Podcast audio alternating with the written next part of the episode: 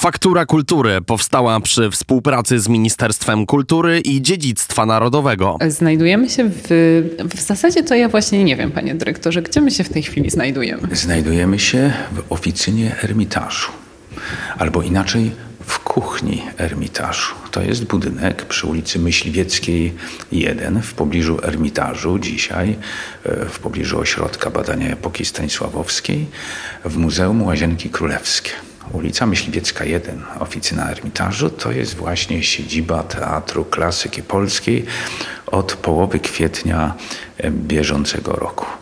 E, tu mamy miejsce spotkań, tu mm, mają swoje biurka e, kierownicy eksploatacji naszych przedstawień, kierownicy promocji informacji, kierownicy obsługi i sprzedaży obsługi widowni i sprzedaży, wreszcie kierowni, kierowniczka impresariatu. To już ustaliliśmy, gdzie się znajdujemy, a znajdujemy się tutaj z kim? Z panem dyrektorem Teatru Klasyki Polskiej, profesorem Jarosławem Gajewskim. Dzień dobry. Dzień dobry pani.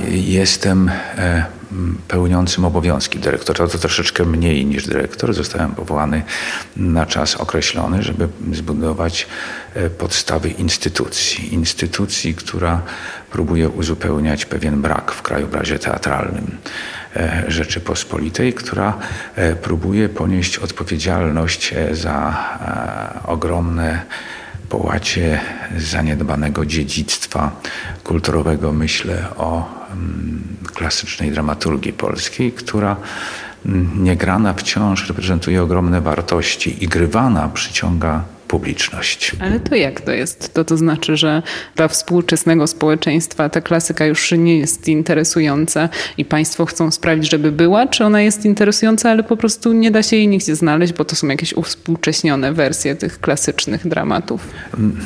Niestety najczęściej to ostatnie.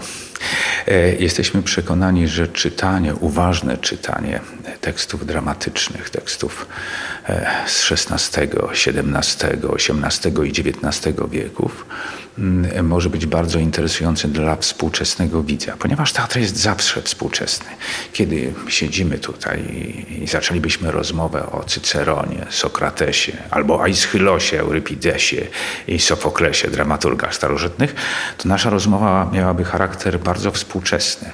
A problemy, które e, poruszają ci e, starożytni pisarze, okazałyby się żywe, ponieważ klasyka to coś więcej niż współczesność. Klasyka to e, to, co nie przemija, co opiera się czasowi i w zasadzie wypełnia ten czas, niezależnie od tego, jaki duch czasu czasem rządzi.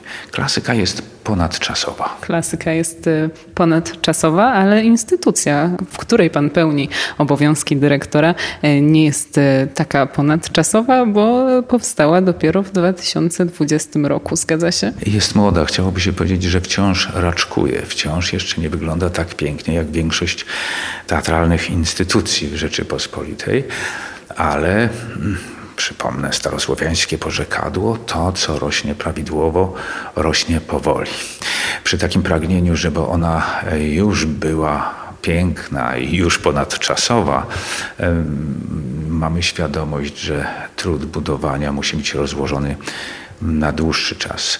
E, w moim przekonaniu e, życie teatralne w Polsce jest bogate, niemniej e, w porównaniu z innymi kulturami o podrobnej randze, jak, jak Polska, wciąż mamy pewne zaległości, także w liczbie instytucji na pulę mieszkańców.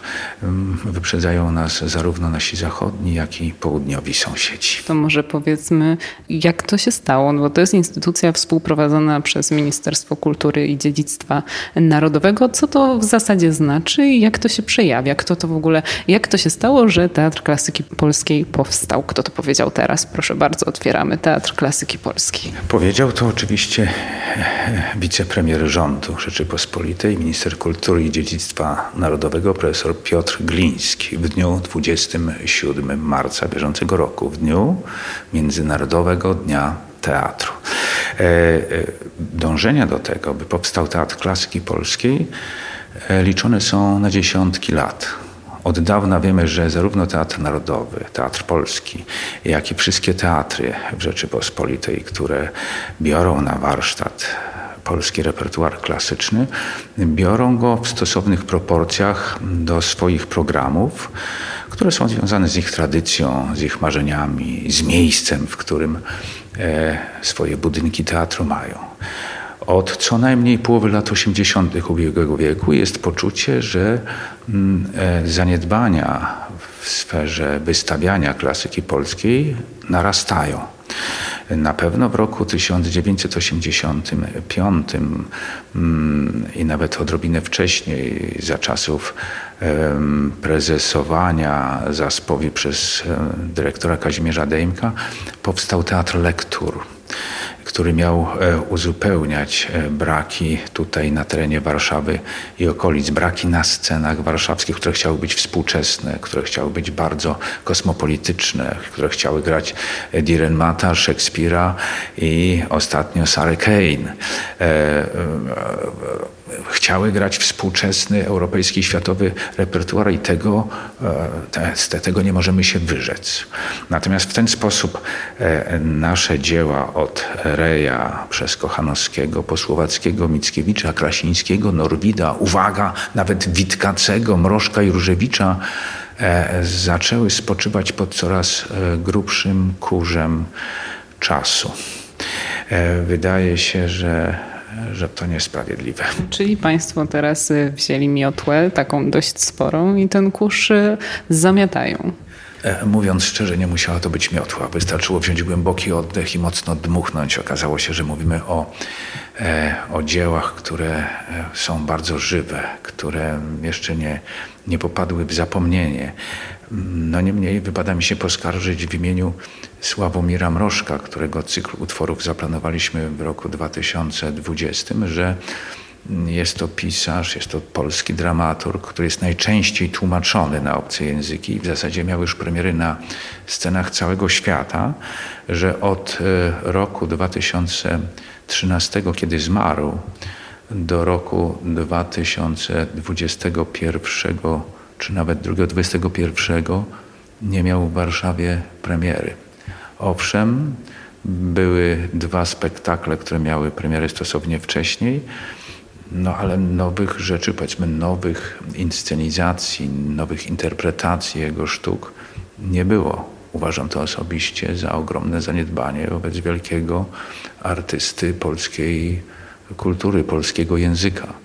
Notabene jest to język bardzo szczególny, niepowtarzalny, chciałoby się powiedzieć, e, który może być bardzo trudny dla realizatorów e, scenicznych, zwłaszcza dla młodszego pokolenia. Niemniej, jeśli się umiejętnie do niego zabrać, to on znakomicie opowiada o naszym czasie, o naszej rzeczywistości, ba, o tym, co ponadczasowe w dzisiejszej naszej rzeczywistości, o tym, co e, nieprzymijające mimo agresywnego ducha czasu, o tym, co temu duchowi czasu, notabene dość wrednej gadzinie, umie się przeciwstawić. To może powiedzmy w takim razie Teatr Klasyki Polskiej to kto? Zespół, e, jaki tutaj jest, to jest zespół stały, to są aktorzy, którzy tutaj na stałe tworzą ten zespół, czy to są aktorzy, którzy grają w różnych teatrach i przy okazji jeszcze w Teatrze Klasyki Polskiej? I jedno, i drugie, i trzecie. W roku 1920 na scenie Teatru w Starej Oranżerii w Muzeum Łazienki Królewskie Fundacja Teatr Klasyki Polskiej wystawiła swoje pierwsze dzieło teatralne. Była to Zemsta Aleksandra Hrabiego Fredry. Od tego, od tego czasu co roku prezentujemy jedno przedstawienie fredrowskie, jedno przedstawienie mrożkowskie, ale także innych autorów. Fundacja pracując przez e, trzy lata e, w kilkudziesięciu miejscach w Polsce grała, zagrała E, około 60 e, spektakli. Przypomnę, że to był czas pandemii, że to był czas niewielkich okienek pandemicznych, kiedy publiczność odważała się przyjść do teatru. Zachęceni odwagą tej publiczności, zachęceni informacją zwrotną, którą od takiej publiczności odbieraliśmy, zachęceni wreszcie informacją od organizatorów naszych przedsięwzięć poza Warszawą, zdecydowaliśmy się na większe plany. O, o, zwracając się do, do pamięci, jeśli tak można, kulturowej naszych kolegów, naszego środowiska, odwołując się do e, świadomości władz e, resortu, zwróciliśmy się e, z pytaniem o możliwość powołania takiej instytucji, której brak e, w rozmaity sposób potwierdzaliśmy, której potrzebę potwierdzaliśmy e, swoim rozpoznaniem walką. Wreszcie, która której program zaproponowaliśmy i okazało się, że on w istotny sposób uzupełnia to, co jest na scenach Rzeczypospolitej i że e, kierunek rozwoju, który również zaproponowaliśmy, e, jest sensowny dla podtrzymania pewnych umiejętności, dla podtrzymania świadomości ciągłości niektórych rozwiązań dramaturgicznych, niektórych sposobów czytania naszej rzeczywistości.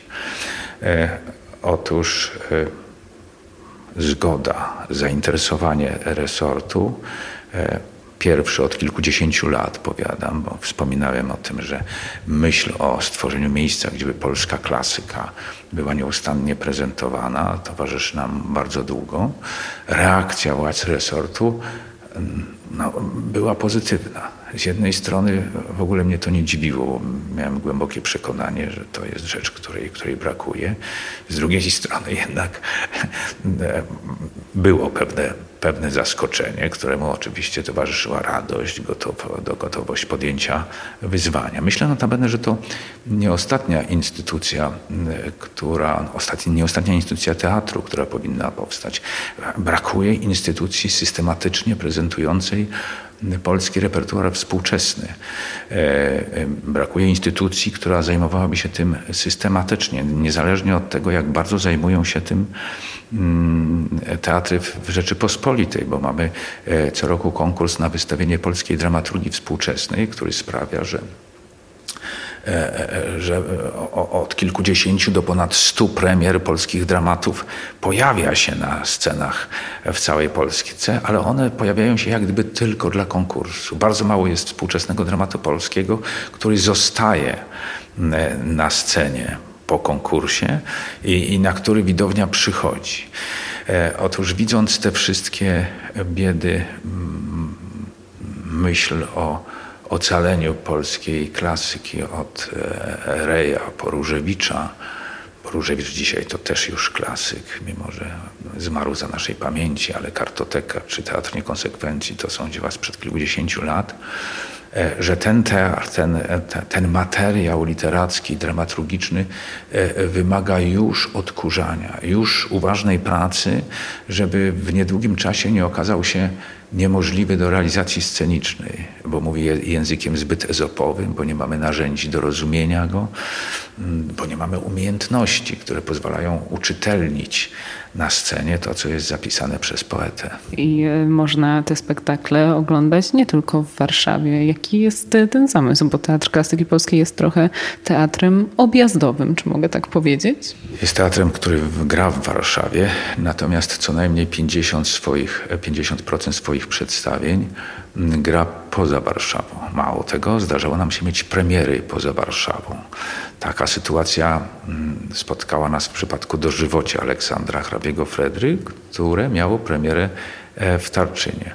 Rzeczywiście staramy się jeździć z naszymi przedstawieniami do tych scen, które mają stosowną infrastrukturę i co najważniejsze, które mają zainteresowaną tym repertuarem publiczność.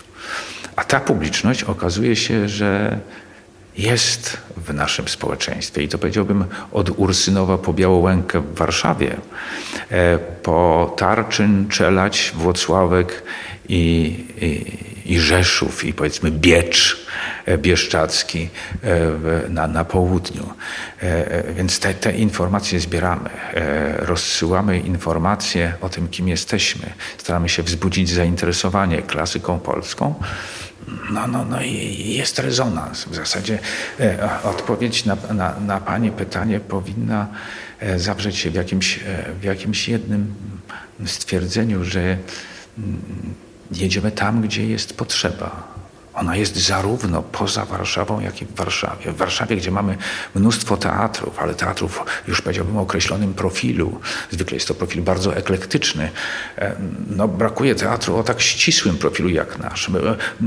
Mądrzy ludzie mówili mi, a to jak to będzie z twoimi ludźmi? Oni nie będą się nudzić tą klasyką?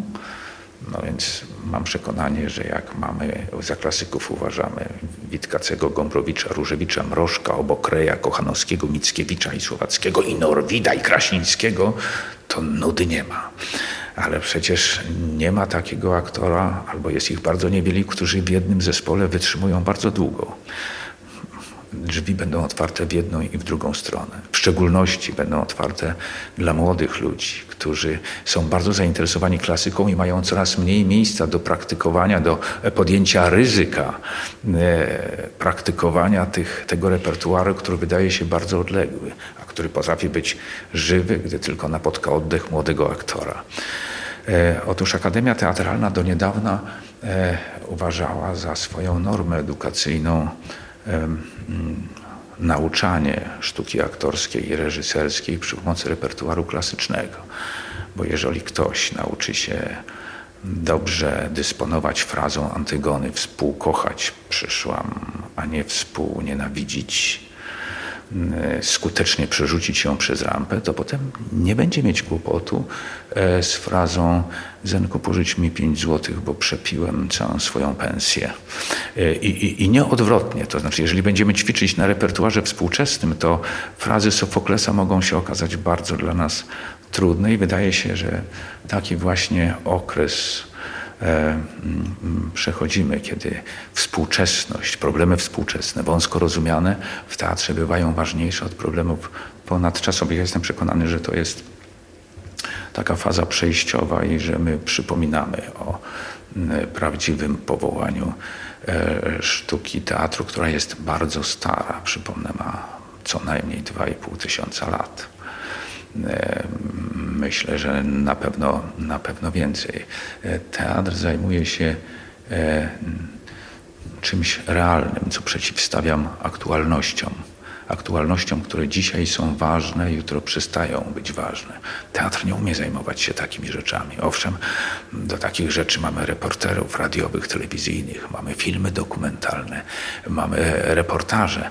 Teraz zajmuje się czymś, co trwa troszeczkę dłużej niż dwa dni, co trwa najlepiej troszeczkę dłużej niż rok zajmuje się jakimś problemem, jakimś pulsem naszego życia, e, który przez 10 lat, i dłużej potrafi ze sceny e, rozśmieszać, bawić widzów, ale też e, wzruszać, pobudzać ich do, refleksji. A czy teatr będzie miał swoją jakąś siedzibę taką, że będzie można zapukać i tam otworzą aktorzy teatru klasyki polskiej? Takie jest marzenie wydaje mi się nieuchronne dążenie instytucji do posiadania własnej siedziby, godnej programu, e, który prezentuje, który chce prezentować swoim widzom.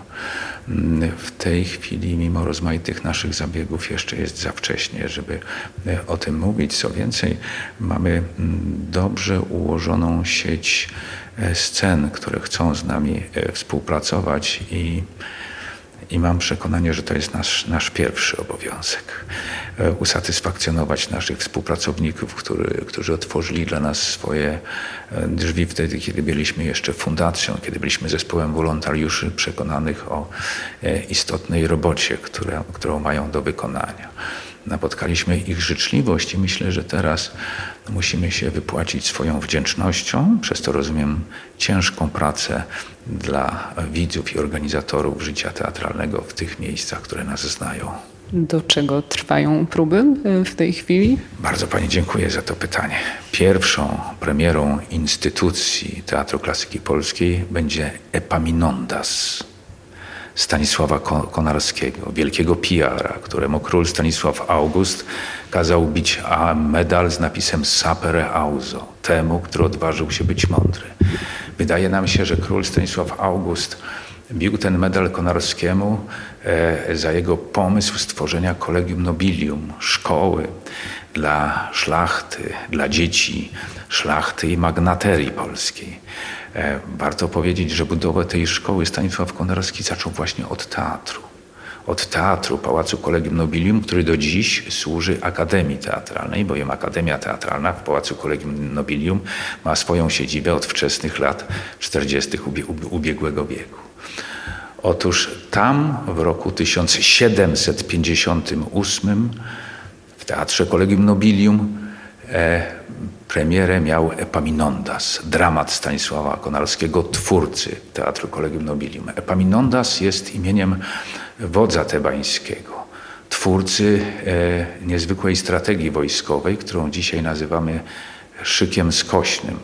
Strategii, którą rozwinął Filip II, wielki e, twórca potęgi Macedonii i Aleksander Wielki Macedoński.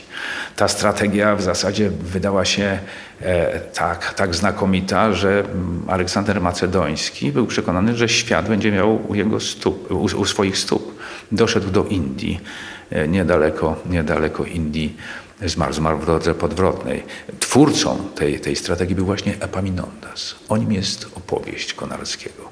O wodzu tebańskim, który e, pokonuje e, wrogą Spartę i musi przypłacić za to głową, bo przy okazji narusza prawo. Dyskusja o prawie stanowionym przez człowieka, o kłopotach, które są z prawem, z jego poprawianiem i z konsekwencjami jego naruszania, jest tematem tego dramatu, który prawdopodobnie od ponad 250 lat nie miał premiery na scenie zawodowej.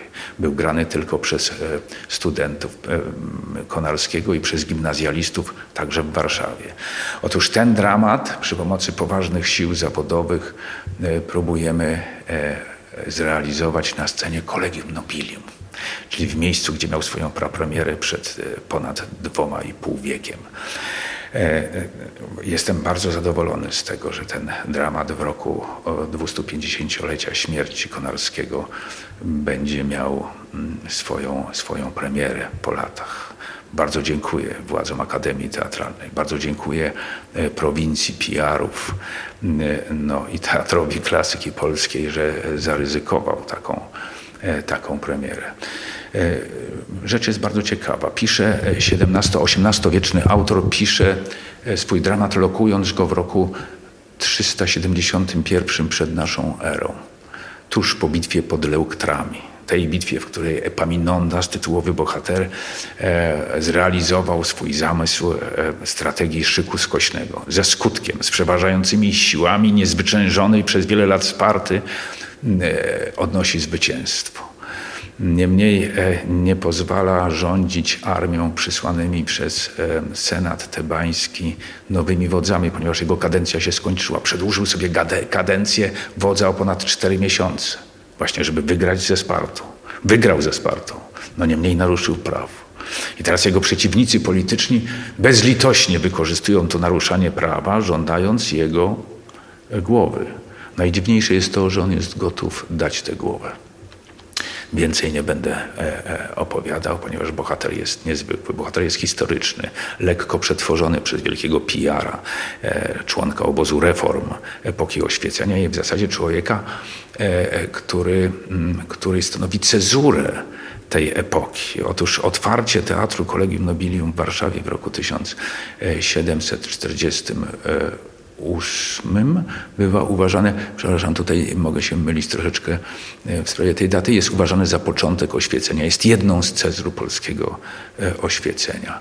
Chcemy przypomnieć i tę epokę, w której e, szczególną wartość przypisywano procedurom intelektualnym i samego wielkiego Stanisława Konarskiego, tego, który odważył się być mądry.